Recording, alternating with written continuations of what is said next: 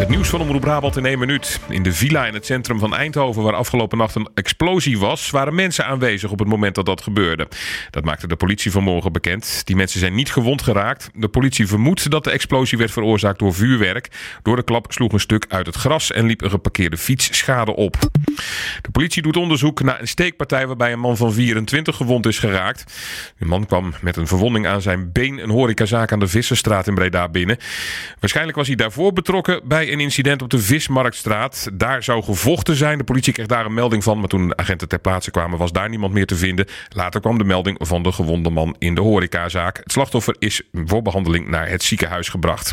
En de bestuurder van de bestelbus die afgelopen nacht meerdere keren over de kop sloeg na een botsing op de A270 is waarschijnlijk door het rode licht gereden. Dat laat de politie vanochtend weten. De bestuurder, een man van 38 uit Helmond, is uit de auto bevrijd en naar het ziekenhuis gebracht voor controle. De bestuurster van de andere auto, een vrouw uit Eindhoven, is niet gewond geraakt. En dan het weer. Na een wat bewolkte start komt de zon er steeds vaker doorheen. Het wordt in het oosten zo'n 15 graden vandaag, in het westen een paar graden koeler.